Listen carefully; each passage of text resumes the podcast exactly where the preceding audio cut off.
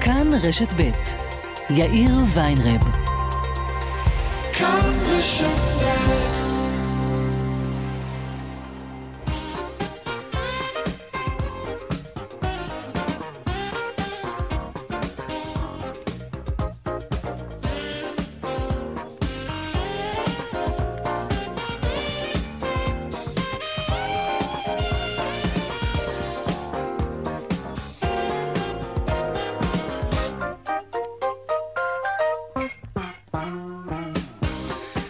ממש קצת אה, אחרי ארבע ועוד חמש דקות כאן צבע הכסף ברשת ב', יום ראשון, שלום רב לכם, שבוע טוב, העורך רונן פולק, בהפקה יעל קטנה שקד.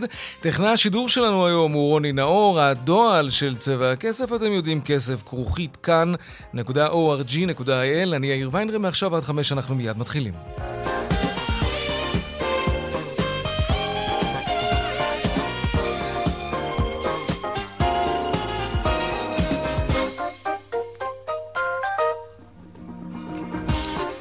כותרות צבע הכסף ליום ראשון, ההאטה בנדל"ן, שלא לומר כבר הקיפאון, כן, שפל של יותר מ-20 שנה. חוץ מהתקופה של הקורונה כמובן. במספר העסקאות לרכישת דירה מנתוני הכלכלנית הראשית באוצר עולה כי בחודש אפריל נמכרו כ-4,000 דירות בלבד. מדובר בצניחה של 55% במספר העסקאות בתוך שנה בלבד. עוד מעט אנחנו נעסוק בכך בהרחבה. בינתיים, בתחום המשכנתאות, בחודש מאי נטל הציבור משכנתאות בהיקף של 6 מיליארד וחצי שקלים. מדובר אמנם על עלייה של יותר מ-40% לעומת חודש אפריל, אבל לעומת התקופה המקבילה אשתקד, וזה עניין עונתי, כן? מדובר בצניחה של ממש. שלום ליאל קייזר, כתבתנו לענייני כלכלה. נכון, יאיר, אחרי שרואים את נתוני הקיפאון בשוק הנדל"ן, נתוני המשכנתאות לא אמורים uh, להפתיע איש. בסך הכל, במהלך uh, חודש מאי, הציבור הישראלי לקח משכנתאות בהיקף של שישה וחצי מיליארד uh, שקלים. אנחנו מדברים על עלייה של קצת יותר מ-40 אחוזים ביחס uh, לאפריל, אבל כשמסתכלים על מה שקרה במאי האחרון ביחס למאי uh, בשנה שעברה, אנחנו רואים צניחה של כמעט 50 אחוזים בהיקף uh, לקיחת המשכנתאות, ובסך הכל הציבור הישראלי הישראלי לקח מתחילת השנה משכנתאות בהיקף של אה, כ-30 אה, מיליארד שקלים. זו ירידה של 48 אחוזים. לעומת אה, אותה תקופה בשנה שעברה, לעומת חמשת החודשים הראשונים של 2022, כשברקע כמובן האינפלציה, עליית הריבית, כל אלה גורמים לציבור הישראלי לחשוב פעמיים והרבה יותר לפני שניגשים לקנות דירה, בטח. ובהתאם גם היקף ההלוואות לרכישת דירות נמצא ליאל. בירידה חדה. תודה רבה, ליאל. שבוע אחרי הקמתה של ועדת השרים לענייני יוקר המחיה, אומר היום ראש הממשלה נתניהו, שגם עומד בראשות הוועדה הזו, שאין שום הצדקה לפערי המחירים בין ישראל לאירופה, וכי הוועדה בראשותו תפעל לצמצם רגולציה, היא תסיר חסמים, תפחית מכסים ותשבור מונופולים. הנה ראש הממשלה הבוקר בפתח ישיבת הממשלה. כמעט כל פערי המחירים הם תוצאה של מונופולים ובירוקרטיה, ולפעמים, אני רוצה להגיד בצער, בשילוב מכוון של בירוקרטיה ומונופולים, שפועלים יחד כדי למנוע תחרות שתוריד את המחירים עבור אזרחי ישראל. הוועדה הזאת תצמצם רגולציה, תסיר חסמים, תפחית מכסים ותשבור מונופולים. אני לא מתכוון להביא כאן אקמול. כן, כל מילה, כל מילה. השאלה אם באמת הוועדה הזאת תצליח לעשות משהו. היו לא מעט ועדות שניסו כבר בעבר. נראה, נראה, נחיה ונראה. ועוד בצבע הכסף uh, בהמשך, לקראת חופשות הקיץ, מדוע רבים מאיתנו עדיין מזמינים חבילות גלישה ושיחות כל כך יקרות דרך חברות הסלולר, כשמחירי החבילות הדיגיטליות, הכוונה היא לסימים דיגיטליים, משמעותית, כל כך משמעותית, הרבה יותר זולות. אנחנו נדבר על זה עוד מעט. וגם האם יוקר המחיה מגיע לתחום התרופות, אוי ואבוי. בהסתדרות הרוקחים מתריעים מעלייה של עד 7% במחירי התרופות בחודש יולי. נדבר גם על זה. והדיווח משוקי הכספים כרגיל לקראת סוף השעה. אלה הכותרות, כאן צבע הכסף. אנחנו מיד ממשיכים.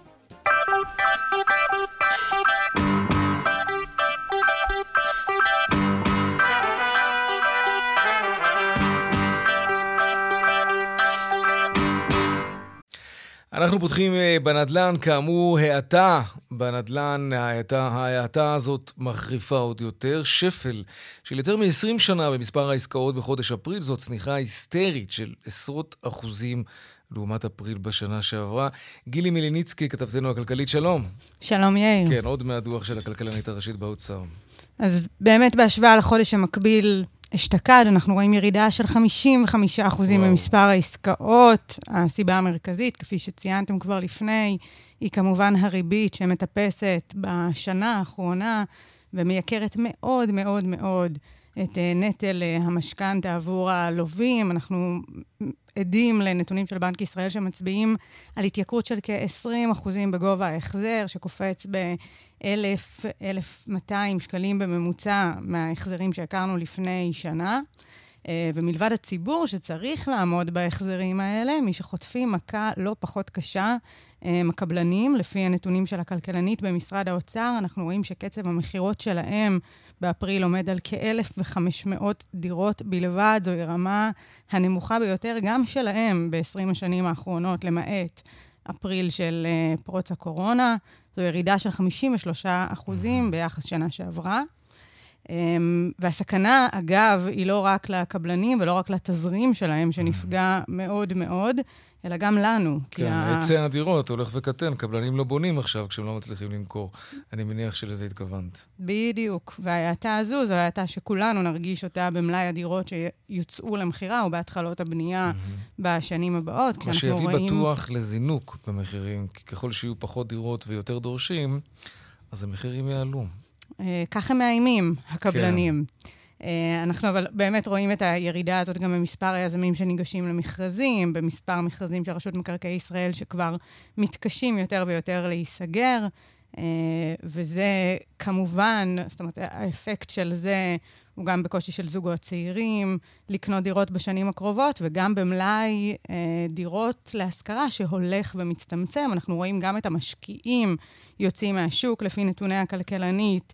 אה, רכישות המשקיעים מסתכמות ב-564 דירות בלבד, זה 60 mm. אחוזים פחות מאפריל שנה שעברה, וזה אומר שגם הסוחרים נמצאים בסיטואציה מאוד כן. לא פשוטה בימים אלה. גילי מליניצקי, תודה רבה. תודה לך. שלום אוהד דנוס, לשעבר יושב ראש לשכת השמאים, מה שלומך? שלום, שלום. שלומי טוב, שלומה, שלומו של שוק הנדל"ן לא משהו. כן, על הפנים אפילו, אפשר לקרוא לילד בשמו. תראה, אני, אני רוצה שעוד מעט אנחנו נביט באמת רחוק ונראה מה קורה, מה שגילי סיפרה, שבונים פחות וכולי, אני, בוא, אני רוצה להסתכל לטווח הקצר יותר.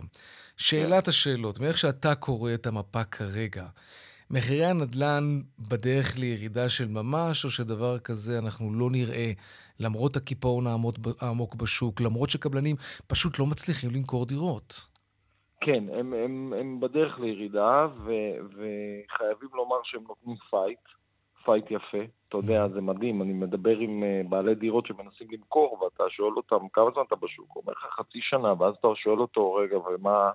לא, אם אני לא אקבל את המחיר שאני רוצה, אני לא מוכר. זה, זה אומרים אומרת, קבלנים, כרגע... או שאומרים אנשים שרוצים לא, לשפר לא, דיור? לא, איזה קבלנים? לקבלנים אין את הפריבילגיה.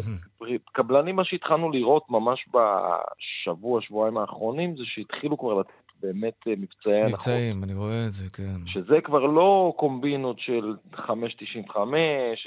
20.80, כל הפוזיציות האפשריות. אלא, מה, מה אנחנו רואים? אלא כבר הנחה ממש. Mm-hmm. הנחה אמיתית, שאם היא תשתכלל לעסקה, ואם יהיו הרבה כאלה, ואם עוד קבלנים ילכו אחריהם, כי הבנקים ירצו לראות traffic, ירצו לראות איזושהי תנועה, אז, כן. אז מן הסתם אנחנו... בהחלט אה, נתחיל לראות את זה בנתונים גם. ב- אה, כרגע כולם, כולם כרגע חזקים. Mm-hmm. כרגע, אבל, אבל זה כבר נסדק ממש. מה אנחנו נראה להערכתך? ברור שזה לא מתמטיקה ולא מדע מדויק וכולי, אבל להערכתך, מה, אנחנו נראה את מחירי הדירות יורדים 5%, 10%? על איזו סביבת שוב, ירידה אנחנו הש, מדברים? השאלה, השאלה היא אם אנחנו מסתכלים על uh, ממוצעים ארציים, או שאנחנו מדברים על שווקים uh, מקומיים. גם וגם, בוא נדבר... זה יכול להשתנות. אתה יודע מה, בוא ניקח את אזורי הביקוש.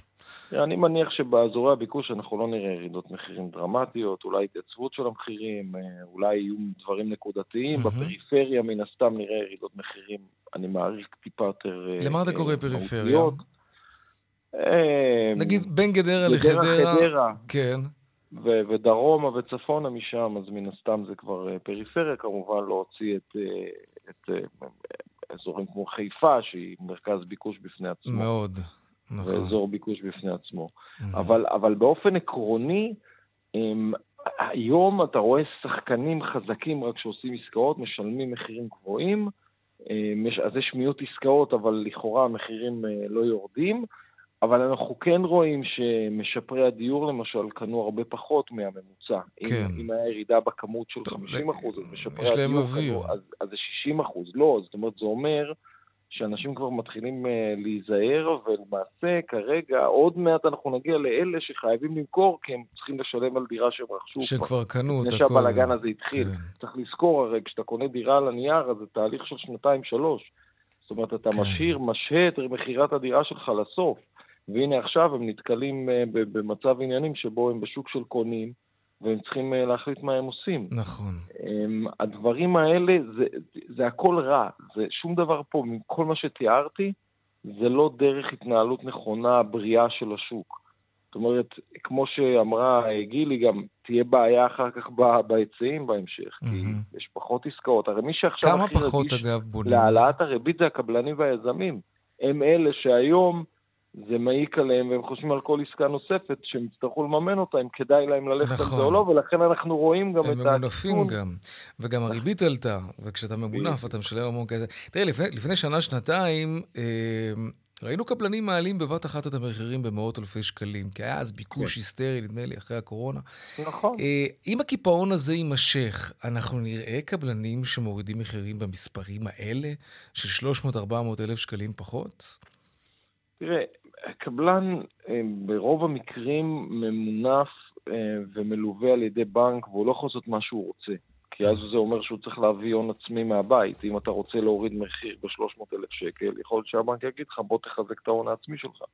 שהתחלת איתו את הפרויקט, כי כבר זה לא נראה אותו דבר, המספרים כבר לא נראים אותו דבר, והשיעורי רווחיות שלך עומדים לפחות ברמה כזו שהסיכון עולה ואנחנו רוצים שאתה תכניס כסף שלך מהבית.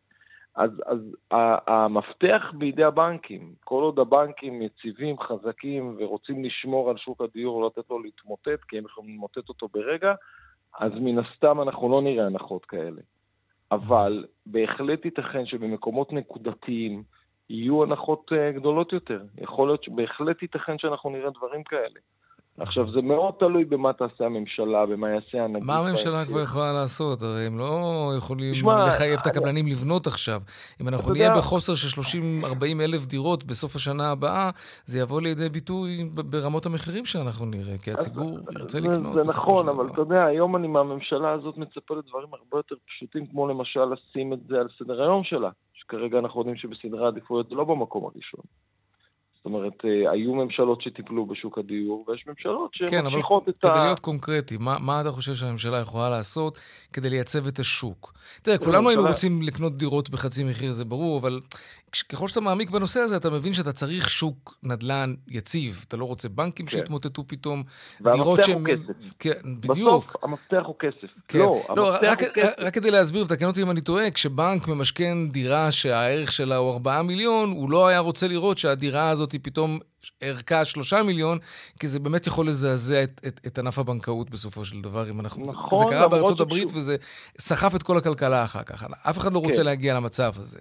בוא, בוא נגיד שיותר מעניין את הבנק אחרי שהוא נתן את המשכנתה זה שיהיו החזרים חודשיים, וזה מה שהפיל את השוק האמריקאי, ופה אנחנו פחות שם, כי אנחנו רואים שמחירי השכירות רק עולים וכמות הדירות להשכרה יורדת.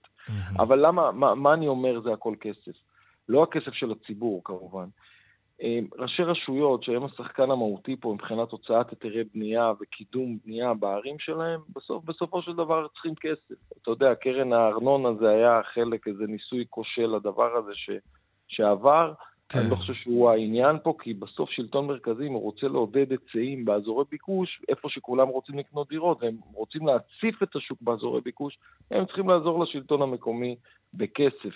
כי בסוף, לסבסד משפחות, זה משהו שהוא אה, אה, ברור, הוא ודאי. אם אתה מוסיף אה, אה, דירות, יחידות דיור, אתה מן הסתם תצטרך לסבסד את התושבים החדשים, ורוב ראשי הערים מנסים אה, אה, להימנע מזה או לצמצם את העניין הזה כמה שניתן. אני יכול להבין אותה. רוצה, כן, ברור, אבל אם שלטון מרכזי רוצה לעודד, כן. הוא צריך לשים כסף, לעזור לראשי הרשויות. אפשר היה לפתור את המשבר הזה מהר מאוד, זו שאלה רק כמה משאבים המדינה רוצה להשקיע. ואיך. כי כשהלכו על תוכניות נקודתיות לאנשים ספציפיים, אז זה לא השפיע על השוק הכללי. כן, אבל זה עזר. ללא מעט אנשים, אבל אתה כן, יודע, כן, זה, בהחלט, עשרות אלפים, זה לא התמונה לא, הכוללת. לא שינה את השוק. בדיוק. אוהד אנוס, לשעבר יושב ראש לשכת השמאים, תודה רבה. תודה, תודה. להתראות. טוב, גל ההתייקרויות מגיע עכשיו גם לבתי המרקחת. התרופות בדרך להתייקרות של, להתייקרות של כ-7%. שלום דוד פפו, יושב ראש אה, הסתדרות הרוקחים. שלום. שלום, שלום, ערב טוב. מה קרה? גם חומרי הגלם של התרופות התייקרו בגלל זה? לא, אני אסביר. אה, בנושא מחירי התרופות שמפוקחים ומבוקרים על ידי הממשלה, ישנו מנגנון של טייס אוטומטי. כלומר, אה, ברגע שיש היחלשות או התחזקות של השקל מול המטבעות, אהה, אז יש בהתאם לכך עלייה או ירידה. עכשיו, ב-15 שנה האחרונות או ב-12 שנה האחרונות, השקל התחזק, ולכן נכון. היו ירידות מחירים כל שנה. כן, התרופות השנה- הוזלו? כן, כן, Mm. כן, כן, כן, בפירוש. אוקיי. אבל אה, השנה, לדאבוננו, השקל נחלש, ולכן הטייס האוטומטי הזה אה, יעלה את המחיר. עוב- עובד לכיוון האחר. אה, רק כדי להבין, אנחנו מדברים על תרופות שנמצאות בסל התרופות והמחיר שלהן מסובסד, או על כל התרופות נכון, כולן? נכון. המחיר מסובסד בצורה כזו שאתה משלם אגרה קבועה עבור כל תרופה, אם אתה רוכש את זה דרך קופת חולים. ופה מהמם. הנקודה הבעייתית. כי אם אתה מגיע לבית מרקחת שאין לו הסכם עם אחת מקופות החולים, כן. אז אתה תיאלץ לשלם את המחיר המלא ולא אבל למה, למה לי. ללכת לבית מרקחת כזה? זאת אומרת, אם, אם אכפת לי מהכסף שלי, אז אני אגיד תודה אני- רבה לרוקח, ואני אחפש בית מרקחת שכן עובד עם קופת החולים שלי, או שאני אלך לבית מרקחת של קופת החולים. אז אני אגיד לך, תאר לך שמחר אני אומר לך, אדוני הנכבד, מהיום והלאה אתה קונה רק ביינות ביטן, ואתה משתמש רק בשירותי בנק הפועלים. היית מסכים לזה? לא? אז למה אתה מסכים לעשות את זה בתרופות?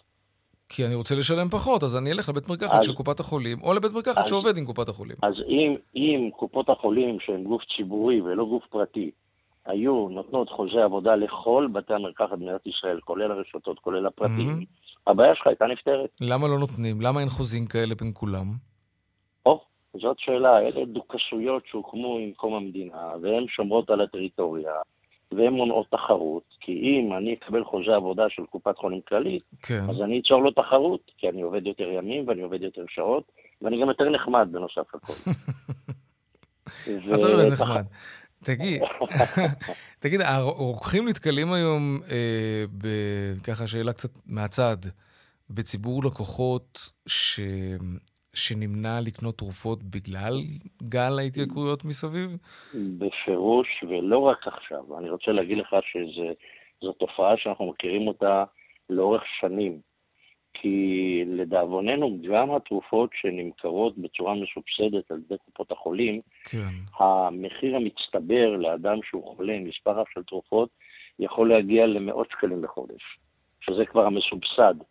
ובהחלט אנחנו רואים שיש אנשים שהדבר הזה מהווה נטל כספי עבורם, והם בוררים, הם אומרים, זה תיתן וזה אל תיתן. עכשיו המצב יחמיר. אה, זה, זה, זה נורא מה שאתה מספר. נכון, נכון, נכון. אני אספר לך, יש לך זמן לסיפור היסטורי קצר? קצר כן. כן, לפני 35 שנה אמרו במדינת ישראל, הישראלים אוהבים לאגור תרופות. איך נמנע את זה מהם? בואו נתניל איזה אגרה קטנה של 25 אגורות כדי למנוע את זה. עשו את זה. במשך השנים, ה-25 אגורות האלה עם הצמדה וריבית וכל מיני מדדים, נהיה 18.5 שקל לשורה. וואה, תאר לך, תאר לך שאמא מגיעה עם 3-4 תרופות לילד, זה כבר נהיה 70 ומשהו שקל. נכון. ואם היא באה עם שלושה ילדים, תכפיל. וזה רק פעם אחת, ואם זה קרה פעמיים, שלוש בחודש, אנחנו מגיעים כבר לחצי שכר דירה.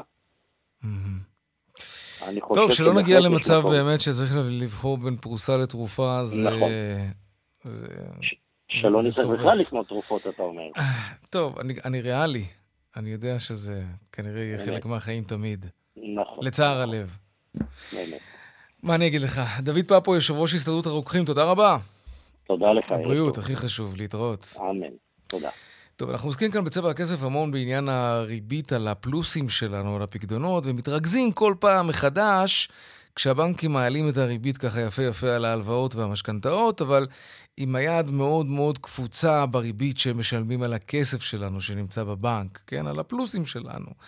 אולי הצעת חוק אה, תשנה את המצ... אולי את המציאות הזאת. שלום חברת הכנסת אורית פרקש הכהן, המחנה הממלכתי, שלום לך. שלום יאיר, שלום למאזינים. תודה. אה, הצלחתם למצוא נושא לאיחוד כוחות בין הקואליציה לאופוזיציה, זה כבר משובב את הלב, לא? כן, לפחות זה, אתה יודע, זה נושא שהעליתי על סדר יום ועדת כספים אה, כבר מחודש ינואר השנה. כן. ציפיתי שהוא יהיה בחוק התקציב כנושא שמשפיע משמעותית על uh, היכולת uh, של הציבור בישראל uh, לחיות, ואתה יודע, במיוחד זוגות צעירים שמצד אחד לא יכולים לקנות דירה ושמים את הכסף הדל שלהם בחשבונות הבנק אה, בגלל ה... ו- ולא נהנים מהריבית. כן, שרוצים שהוא... שהכסף יעבוד בשבילם, והוא לא עובד, כי הריבית... אבל זה לא היה בתקציב, כמו הרבה דברים של יוקר מחיה, אבל לפחות אני כן. שמחה... אז מה אתם מציעים בעצם? מה את וחברת הכנסת דוד ביטן? כן. הצעת החוק שלי באמת, אה, שאליה הצטרף אה, גם יו"ר ועדת כספים, חבר הכנסת גפני וגם ביטן, היא מאוד מאוד פשוטה. היא בעצם מחייבת את מי שצריך לטפל בעניין הזה, הגורם המקצועי. שזה בנק ישראל, נגיד, אני מניח? נגיד בנק ישראל. כן. שתפקידו, פשוט אנשים בציבור לא יודעים את זה, תפקידו המאוד חשוב הוא לשמור על יציבות מערכת הבנקים, נכון. אבל בה בעת לשמור על טובת הלקוח. ובמערכת הבנקאית שהיא כל כך ריכוזית ולא תחרותית כמו במדינת ישראל, הצעת החוק אומרת uh, שלושה דברים. דבר ראשון, היא בעצם uh, מטילה uh, סמכות, על, אומרת לנגיד בצורה מפורשת שהוא רשאי לקבוע כללים בנושא הריבית שמקבלים הלקוחות על כספיהם בבנקים, בהתחשב בריבית שהבנקים גובים על הלוואות שהם נותנים. Mm-hmm. Uh, ופה יש שיקול דעת לנגיד, כי אני מאמינה בהחלטות מקצועיות פה, ואני לא חושבת שהמדינה צריכה לבוא עם פטיש שני קילו על מערכת שהיא כל כך uh, אקוטית לכלכלה. סעיף שני בעצם uh, מחייב את הנגיד, שבמצב שבו יש מצב חריג, כמו שראינו עכשיו, שאנחנו עדיין רואים, כן. שהנגיד פרסם בכנס אלי הורוביץ, שברגע שיש סכומים לא הגיוניים ששוכבים בכספי הלקוחות ולא מקבלים שום ערך, הנגיד חייב לקבוע או תמריצים כלכליים חיוביים או קנסות על המוסדות הפיננסיים כדי שיטרחו ויגיעו ללקוחות ויטפלו להם בכסף. כן. כי הנתונים הראו שמ-1.4 טריליון שקלים, 5 מיליארד, 500 מיליארד שקלים שוכבים בחשבונות העו"ש של לקוחות ולא מקבלים שום לא. מקבלים, אולי, כן, טוב, מי ששם בפקדונות אולי מקבל, אבל זה באמת עלוב. לא, ונקודה אחרונה זה שקיפות, ששקיפות, שיתחילו להביא, להיות על זה. שקיפות זה תמיד טוב, בכל מישור. ולתת נתונים, כי אתה לא תאמין, אבל לא היו נתונים על הדבר הזה בהתחלה כן, מצד המפקח. שזה באמת קצת מעורר הרבה מאוד סימני שאלה. אבל יבואו הבנקים ויגידו, תשמעו, אנחנו גוף עסקי, המטרה שלנו היא להרוויח כסף, כמו כל עסק. אל תתערבו לנו בחישובים. טובים, וגם יגידו לכם שברור שהריבית על ההלוואה תהיה גבוהה יותר מהריבית על הפקדונות, כי הם לא עמותה ללא כוונת רווח, הם בנקים מסחריים שרוצים להרוויח. כלומר, מי, מי יקבע מה, מה זו ריבית הגיונית על הפלוס? אם נגיד נותנים היום 2.5% אחוז או 2.75 של פקדונות קצרים, מי קובע שזה, שזו ריבית נמוכה? הרי אין, אין לזה איזושהי נוסחה מתמטית, ואני מניח שגם אתם לא קובעים אותה. איך בכל זאת נוכל לבוא ולהגיד, הבנקים לא נוהגים כמו שצריך, נטיל עליהם סנקציה. מי יקבע את זה? קודם כל אתה צודק, ולכן הדגש בהצעת החוק שלי היא לתת את זה לגורם המקצועי. אם יבוא הנגיד ויגיד ויסתכל לציבור בעיניים, מה שבעצם עד היום לא עסקו בזה, ויגיד, המצב מצוין אזרחי ישראל, זה מאוד הגיוני ש-500 מיליארד שקלים מהכספים שלכם, מתוך 1.4 טריליון, שוכבים ואתם לא מקבלים על זה שום דבר בריבית, או שהבנקים אה, לא מתעכבים בכלל ומיד מגלגלים עליכם את אה, עליות הריבית, אה, אז הכל היה שיהיה מצוין, אבל שיעמדו מול הציבור וייתנו את הדין. אבל אין ספק שגם הנגיד אמר שזה שיש 30% מהכספי הלקוחות, שעל, דרך אגב על בסיס הכסף הזה הבנקים נותנים הלוואות, על הכסף הזה הם מפקידים ומקבלים ריבית בנק ישראל, הם יצטרכו למצוא את הדרך ולדאוג לדבר הזה. למשל, לקבוע כלל שאם יש למשל 30% מסך הכספים של הלקוחות לא מקבל שום ערך, זה בלי להיכנס לגובה הריבית, נכון? זה כבר לכשעצמו מראה שיש בעיה. יכול הנגיד להגיד, אני אוריד לכם איזה קווץ' mm. מהריבית שאתם מקבלים מריבית בנק ישראל, כדי עד שאתם תזוזו ותפנו ללקוחות שלכם mm. ותציגו להם את האפשרויות שעומדות בפנים, כי אני לא מוכן שכל כך הרבה כספים בתקופה של ריבית מזנקת, אה, מצד אחד באוטומט יתעדכן במשכנתאות, או כן. בריביות החובה שנהיו כבר כמו ריביות שוק אפור, אבל אתם אה, תיקחו את הזמן, מה שנקרא, בלגלגל את זה על הציבור. הנגיד גם יכול אה, לקחת, אה, כתבתי בהצעת החוק, אוכלוסיות מסוימות. למשל, מהנתונים עלה שהמוחלשים הם משקי הבית מהמם. ועסקים קטנים. הם פחות טובים בלנהל את המשא ומתן מול הבנקים. אז הוא יכול לייצר כל מיני כלי אה, עבודה גמישים. אתה יודע, הייתי רגולטורית, ובסוף אני מקבלת את או זה נוטלי שמדובר ב- המשכנתאות, שזה כבר רעיון כן. שהתגלגל אצל גפני. נכון, עכשיו טוב, אני תראי, מקבל, כן. מקבלת את זה שזה גוף עסקי לחלוטין, לכן אני לא אוהבת את הרעיונות האלה של רווחי יתר על הבנקים וכל מיני דברים, אני מהמם. רוצה אותם אה, רווחיים, אבל יש פה שוק שהוא לא תחרותי.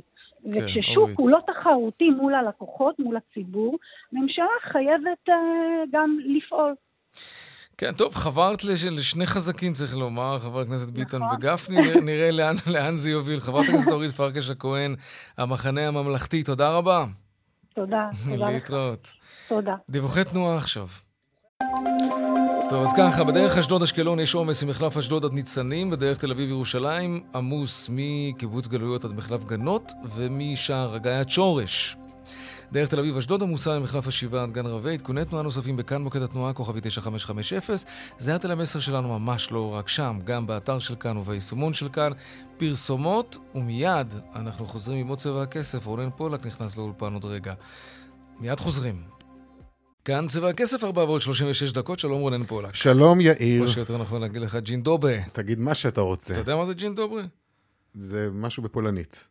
כן, ג'ין דוברה. מהמם. זה כזה... זה... זה לא, לא בדיוק בוקר טוב, זה... כי עכשיו לא בוקר, למה כן, שתגיד זה בוקר כזה שזה לא יום, בוקר? יום נעים, יום אוקיי. נעים. אני לא יודע, כמה ימים היית. בפולין? יום נעים גם לך, יאיר. אה, כן. אה, מה, אז באמת? כאילו, פעם ראשונה שאתה שומע ג'ין דוברה, אחרי כמעט שבוע בפולין, זה זה פעם ראשונה שאתה שומע ג'ין דוברה? מה עשית שם, תגיד לי? תשמע, אה, בוא. אה, כולם, איפה שאתה לא הולך, אומרים לך ג'ין דוברה. כן. לא? אתה יודע, אני לא תמיד אה, מקשיב. מקשיב, כן. כן, כן. אה, אז כן, כפי שאמרת, הייתי בפולין בשבוע. שעבר, תודה רבה, אני מקווה כן. שהסתדרת כאן טוב בלעדיי, וש... שהתגעגעתי נורא, והיה קשה בלעדיך, זאת האמת. שמח מאוד לשמוע, אנחנו נעשה את זה כן. יותר. עכשיו, כפי שאתה יודע, כשאנחנו בחו"ל, כן. גם בחופשה פרטית, אנחנו באופן אוטומטי הופכים לשליחי צבע הכסף. כן, כמו שאני יודע? כפי ככה שאני- זה. באמת? ככה אז זה. למה כשביקשתי ממך לעלות לשידור משם התחלת לסנן אותי? לא, לא, בסדר. נעלמת, לא ענית לי לטלפונים ולוואטסאפ, ונורא רציתי שתדווח משם. כן, נכון, אז בוא אני- אז בוא אני אז אספר איזה לך, מין לא שליח צבע יכולתי, הכסף לא- אתה יכול להיות אם אתה לא, אם אתה שם ואתה לא עונה לי אני אוסף את לטלפונים. החומרים, אה. ואני מגיע איתם לכאן לאולפן. כדי לתת הכל בבת אחת. בבת לא, לא בבת אחת, נכון? אנחנו נעשה ממש סדרה לדעתי. נעשה סדרה? סדרה, כן. אוקיי. גם, טוב. אני... רונן פולק בפולין. אה, זה נשמע זה נשמע כמו סיטקום. אה, אוקיי. אני באמת לא יודע להתחיל, אני אגיד לך את האמת. כלומר, אני יכול לדבר על, על, על המחירים בפולין, שזה באמת כואב הלב לראות כמה אותם מוצרים שאנחנו קונים בארץ זה מדהים. הרבה יותר זולים שם. רוצה דוגמה? אה, השוקולדים שקניתי לך, ואתה יודע הרי שאני אף פעם לא. מביא לך שוקולדים. מחו"ל, נכון? חד משמעית. הפעם הבאתי, תודה, כי זה- הפתעת. כי זה זול. נכון. כי זה זול. כך אופייני לך. לא, שאלת את עצמך, מה עובר עליו בטח שהוא הגיע עם ערימת השוקולדים האלה? אני עד עכשיו בהלם. כן.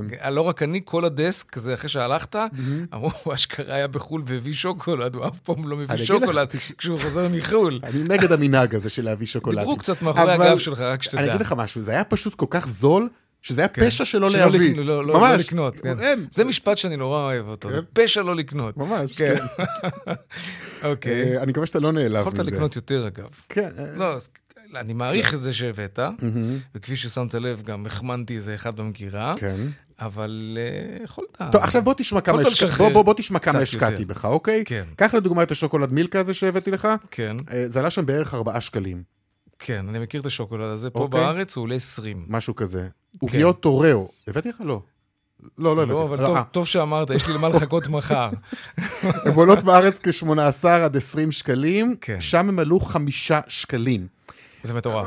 תשמע, לא, באמת, אתה, אתה, אתה נכנס ל, ל, לסופר שם ואתה אתה פשוט... כן. דאודורנטים הסתכלת, אגב? אה, אה, אה, כן, זה מדהים, כמה. שזה זול שם. הרבה יותר זול, הכל פשוט כן. הרבה יותר זול, אבל... סבון רחצה, משחת שיניים. הכל, הכל יותר זול, הדלק אפילו, הכל יותר זול. תשמע, אבל בסוף... אבל מצד שני, הפולנים מרוויחים פחות מהישראלים. זהו, זה כוח הקנייה שם הוא יותר נכון. קטן, יותר חלש. וגם המשכורת הממוצעת, כ-8,000 זלוטי, שזה קצת כן. יותר מ-7,000 שקלים, כלומר, כן, זה, זה, כן. צריך גם להתחשב בזה. טוב, אמ, אני רוצה הייתה לדבר... שם מהפכה משפטית, אגב, רק שתדע. אוקיי. אני שם רוצה, ובהונגריה. אני, אני רוצה לדבר על משהו אחר, כן. בסדר? אנחנו דיברנו על זה בעבר כבר, על חבילות הגלישה לא שזה לחו"ל. קשור, כן, שלא יחשבו כבר שאני פה, זה- זוכר, כן. כן? מהמם. התכ- התכתבתי איתך מחו"ל, נכון? עד שביקשתי שתעלה, ואז הפסקת. ותתפלל, לא, לא הסתפקתי הפעם בווי-פיי של המלון, כן, ואפילו לא רכבתי על אחת החבילות של החבר'ה. כן, אתה לא תאמין, אני, אני ממש רכשתי חבילת גלישה לחו"ל. נכון. אה, אני, אני, זה- זה- אני במקרה גם התקנתי לך אותה. זהו, כי לא רכשתי דרך... לא, לא, אני רוצה שפעם אחת תפרגן לי ותגיד, בזה אתה צרכן יותר טוב ממני. מי לימד אותך להשתמש בסים לא, דיגיטלי? לא ניכנס לזה. למה לא? ככה, כי אני, כי אני לא חושב שזה נכון, אתה לא לימדת אותי להשתמש בסים. אה, לא לימדתי אותך להשתמש? לא. מעניין. אתה כן? זה לא יפה מה שאתה עושה עכשיו. אתה כן? אני זה שלימדתי אותך לרכוש סים אתה דיגיטלי. יודע מה? אתה יודע מה? יאללה, בוא, אני מפרגן לך. תודה רבה באמת. מפרגן לך. זה באמת הדבר היחיד. כל היתר אתה צרכן הרבה. יותר טוב ממני, אני מודה. טוב, אתה- בוא- אוקיי. בוא בוא נדבר על זה, על החבילות גלישה האלה, אוקיי? זה אמ, משהו לא נורמלי. זה איסים. זה כך- פשע לא להשתמש בזה. נכון. כן. ואני רוצה שתפנימו, ותשננו, ו- ותתאמנו, כי בחופשה הבאה שלכם אתם פשוט יכולים לחסוך הרבה מאוד מאות כסף שקלים. על חבילות גלישה. חברות הסלולר מוכרות לכם היום חבילות גלישה בערך ב-200 שקלים. אני קניתי חבילת גלישה ב-5 דולר. כן. זה 10 אחוזים ממה שדורשת ממני חברת הסלולר. כן, זה מדהים. וזה עובד מדהים. זה עובד מדהים. ואם אתה שואל את עצמך, אם זה כל כך משתלם, אז למה כל כך הרבה אנשים עדיין מתעקשים לשלם הרבה יותר לחברות אנשים הסלולר? לא יודעים על זה. לא, הם כן יודעים על לא, זה, לא. ואני גם נכנסתי לכל מיני קבוצות בפייסבוק, וקראתי מה אנשים כותבים. אז הם כותבים ככה, זה עוד 100-200 שקל לעומת מה ששילמתי על החופשה, זה כסף קטן. תכלס, לא? צודק הבן אדם, נכון, לא, זה כסף קטן. זה לא כסף קטן. אה, נכון, כי זה כמה מאות שקלים אם אנחנו מדברים על חופשה משפחתית. נכון. זה הרבה כסף.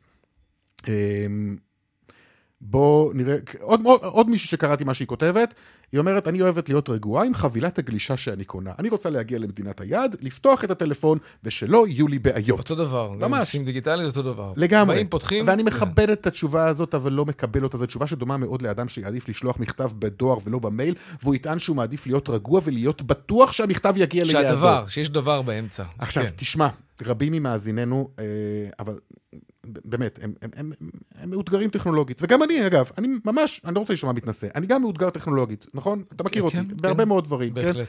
ו- וזה קורה, כן, זה, זה קצת מפחיד וזה מלחיץ, רגע, מה זאת אומרת? אני רוצה את, את, את המוכר והטוב, אבל אני אומר לכם, זה משהו שאתם חייבים להתנסות בו, תעזרו במישהו שמבין, תעשו את זה בהדרגה, תיקחו חבילת גלישה אחת באיסים והשאר רגילות, כדי שבפעם הבאה תעבירו את כל החבילות האיסים.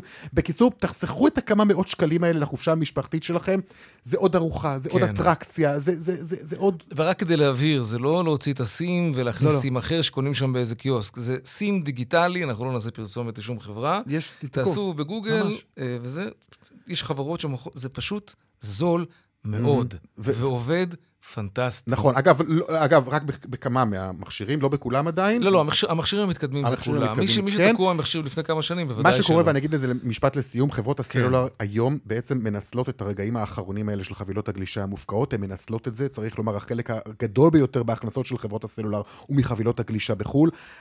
הן לא יכולות ברגע אחד לוותר על הנתח הזה ברווחים.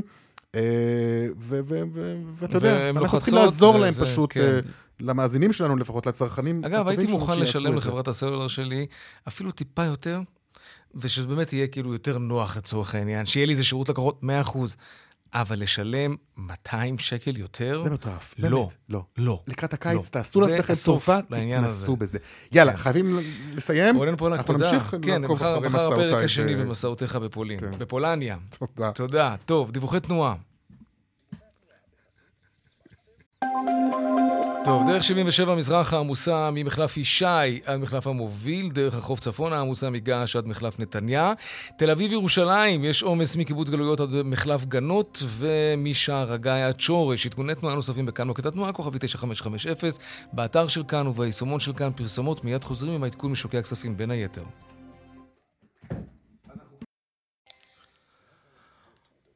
כאן צבע הכסף, 4 ועוד 48 דקות. שדה התעופה הבינלאומי אה, בחיפה. גובר הלחץ להקים שדה שכזה. בינתיים הטיסות משם אה, לחיפה, מחיפה לקפריסין ויוון, הטיסות האלה חוזרות. שלום עינת קליש רותם, ראש עיריית חיפה, מה שלומך?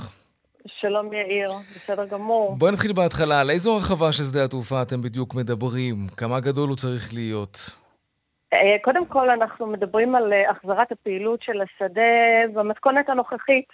זה שדה קטנצ'יק, 1,300 מטר סך הכל, מהמם. באמת מסלול שהוא כלום, והטיסות חוזרות לשמחתי הרבה לקפריסין, אחר כך כנראה יורחבו היעדים. אנחנו מדברים על תוספת של 300 מטרים סך הכל, וחיפה מחוברת עם כל אירופה, כל אירופה. זה משהו שהוא קצת אה, בלתי נתפס. אני חייבת להגיד, אה, כי מדובר על מאמץ מאוד מאוד קטן, אה, ומדובר על אה, שדה שיוכל להכיל בין שניים, שניים וחצי לחמישה מיליון נוסעים בשנה. Mm. שזה די משמעותי. אבל למה צריך את זה בעצם? אנחנו מדינה קטנה, מי שרוצה להגיע לנתב"ג יש לו יופי של רכבת לשם שינוי לשם. למה זה באמת נחוץ? קודם כל, אין יופי של רכבת בכלל, אני מכירה הרבה אנשים כשהם חוזרים בלילה, הם אה, עומדים אה, מול שוקת שבורה, mm-hmm. מערכת התחבורה הציבורית רחוקה מלהיות טובה ונהדרת. לנסוע דרך נתב"ג זה חצי יום עבודה. אנחנו מדברים פה על בעצם שירות לכל המרחב הצפוני, ויש לנו פה אקדמיות, טכניון, אוניברסיטה ועוד הרבה מאוד מערכות אקדמיה מסביב. אה, יש לנו את ההייטק, יש לנו פה הרבה מאוד אה, חברות בינלאומיות גדולות, יש לנו כאן אה, בתי חולים גדולים, יש לנו הרבה מאוד גורמים. יש גם הרבה ארגוני סביבה שאני מניח שלא אוהבים את זה, אבל בטח, לא? וקבלנים שכבר קראתי שאומרים שזה ימנע מהם לבנות וכל מיני כאלה. לא, לא, לא, לא. לא? קודם כל לא, זה לא נכון בכלל, זה לא נכון בכלל, אז יריבו אם זה 25 קומות או 22 קומות או 18 קומות, נו באמת, הם יבנו. מדובר על כוח כלכלי מטורף. אין עיר בעולם אה, בלי שדה תעופה אה, שלא התחילה להתפתח, או יותר נכון, ברגע שיש לך שדה תעופה, ערים מתחילות להתפתח, במיוחד אזורים מטרופ, מטרופולינים גדולים, אה, זה ידוע, זה חמצן, זה להיות מחובר לרשת הגלובלית של הערים בעולם, אה, ברגע שאתה צריך להיות אה, חמש שעות טיסה, סליחה, הטיסה שלך חמש שעות בדרך נתב"ג, פקקים, עניינים, שלוש שעות בתוך נתב"ג, אתה מתרחק בעצם מה, מהרשת העולמית, אתה לא מקום גלובלי, אתה מנותק, אתה לא יכול uh, להתחבר לא להון האנושי, לא uh, לשום... Uh, כן, כן, היתרונות כמובן והחסרונות הם לא ברורים. איפה זה עומד עכשיו? צריך, להבין דבר אחד נורא נורא פשוט. השדה בחיפה, אה, אם אני יוצאת מהבית ואני תוך 40 דקות, פחות או יותר, המטוס כבר ניתק מהקרקע, אה, אני הגעתי לקפריסין, שזה ההאב, משם אני יכולה לקחת קונקשן לכל מקום. צריך להבין שלנתב"ג ייקח לי פי שלוש יותר זמן מאשר אם עשיתי את ה connection דרך אה, חיפה. יש פה מיליון וחצי במינימום תושבים בצפון. אפשר לתת שירותים, לא כולם צריכים להידחק דרך מקום אחד. השדה הזה קיים כבר עכשיו, קיים היום.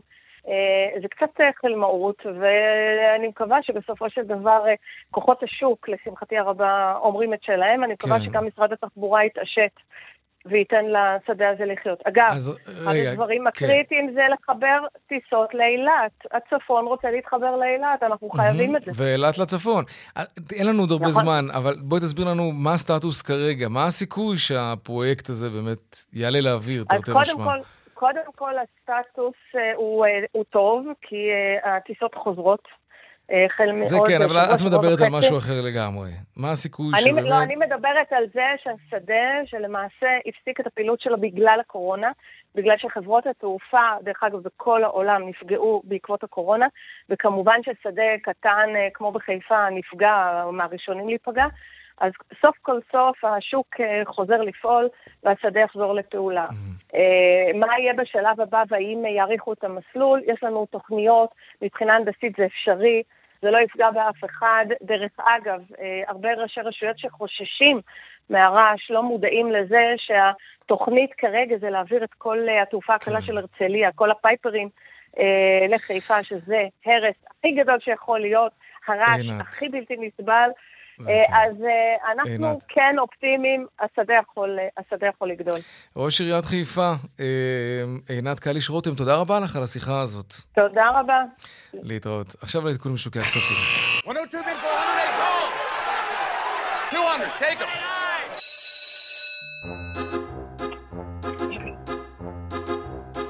שלום, שבוע טוב וערב טוב, רונן מנחם, כלכלן שווקים ראשי מזרחי טפחות, מה העניינים? שבוע טוב, יאיר, מה שלומך? גם, בסדר גמור, תודה. אז אה, נגיד, ניגש לבורסה. הבורסה כן. סיימה היום את היום הראשון של המסחר אה, הקצר של השבוע, בסך הכל במגמה די מעורבת. אה, בסופו של יום ראינו את תל אביב 35 יורד בעשירית אחת, ומנגד תל אביב 90 עלה בשלוש עשיריות. מניות הבנקים, אה, הבנייה והנדל"ן אה, לסוגיו צעדו בראש אה, עם עלייה של שמונה עשיריות עד אחוז אחד ושתי עשיריות. בין המניות שבלטו בעליות היו אה, דלק קבוצה, מבנה ושטראוס. מנגד ראינו ירידות אה, של אה, אה, וטבע. גם שוק אגרות החוב נסחר היום במגמה מעורבת, עם יתרון אה, קל לאפיק הלא צמוד. תל בונד שקלי עלה בשתי עשיריות, ותל בונד צמוד סיים כמעט בלי שינוי. ולסיום, אה, עיקר האקשן בשוק המטח, פה הסיפור הגדול, שער החליפין שקל דולר אה, ביום שישי, שלושה שקלים ושישים ושלוש אגורות. זה פיחות של, אה, של תשע עשיריות כן. ביום שישי ועשר אגורות בתוך שבוע אחד בלבד. ושיהיה ערב טוב לכולנו. גם לך, תודה רבה, רונן מנחם, כלכלן שווקים ראשי מזרחי טפחות. עד כאן צבע הכסף ליום ראשון, העורך רונן פולק, בהפקה יעל קטנה שקט, טכנאי השידור רוני נאור, במוקד התנועה אהוד כהן בופון. הדואל שלנו כסף, כרוכית כאן.org.il. אני יאיר ויינרי, משתמע גם מחר, שלום.